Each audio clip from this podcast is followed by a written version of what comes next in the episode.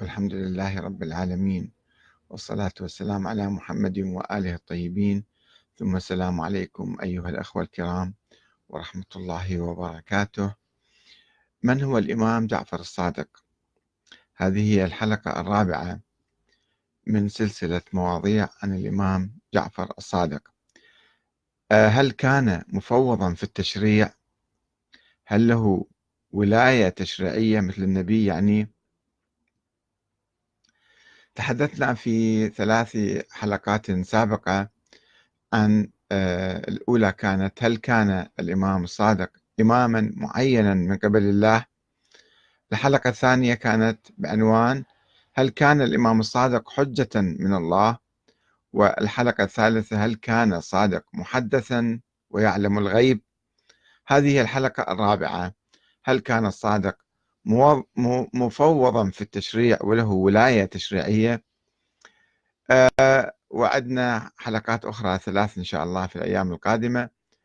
هي آه، الحلقة الخامسة هل كان حديثه صعبا مستصعبا؟ والحلقة السادسة هل كان الولاء لأهل البيت ركنا من أركان الإسلام؟ والحلقة السابعة هل كان الصادق يمارس التقية في الفتية والجرح والتعديل؟ لتلامذته وأصحابه. آه هذا الموضوع نبحثه بالحقيقة من أجل آه تكوين صورة أقرب إلى الحقيقة يعني صورة معتدلة عن الإمام الصادق وعن المذهب الإمامي في مقابل الغلاة الذين كانوا آه كانوا ينسبون معاني مغالية أو أدوارا ومهمات للأئمة وللإمام الصادق بالذات هو لم يكن يدعيها مثل أنه هو كان يعني سكرتير الله تعالى آه، أو هو الله الخطابية كانوا يقولون هو الله مجسد فيه.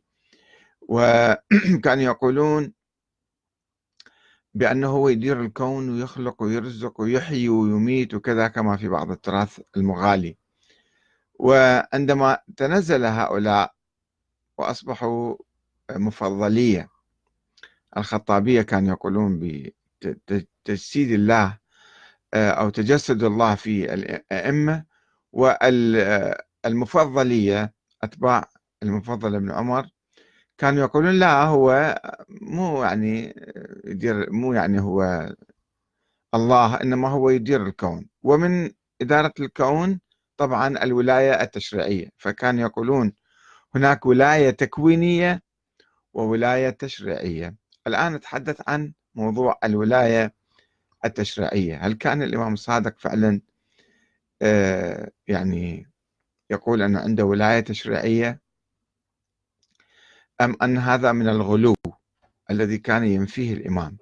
وقد عرفنا أن الإمام الصادق كان يقول آه، أنه هو مجرد راوي لأحاديث النبي. ولكن هذه الأحاديث بنظره صحيحة لأنها كانت عن آبائه عن أجداده عن رسول الله. يعني آه، مو مثل الأحاديث المنتشرة بين عامة الناس ما نعرف مدى صحتها. ف آه، هذا الموضوع نبحثه من أجل إزالة الفوارق بين المسلمين. في الزمان السحيق يعني في عهد الإمام الصادق كان هناك غلاة.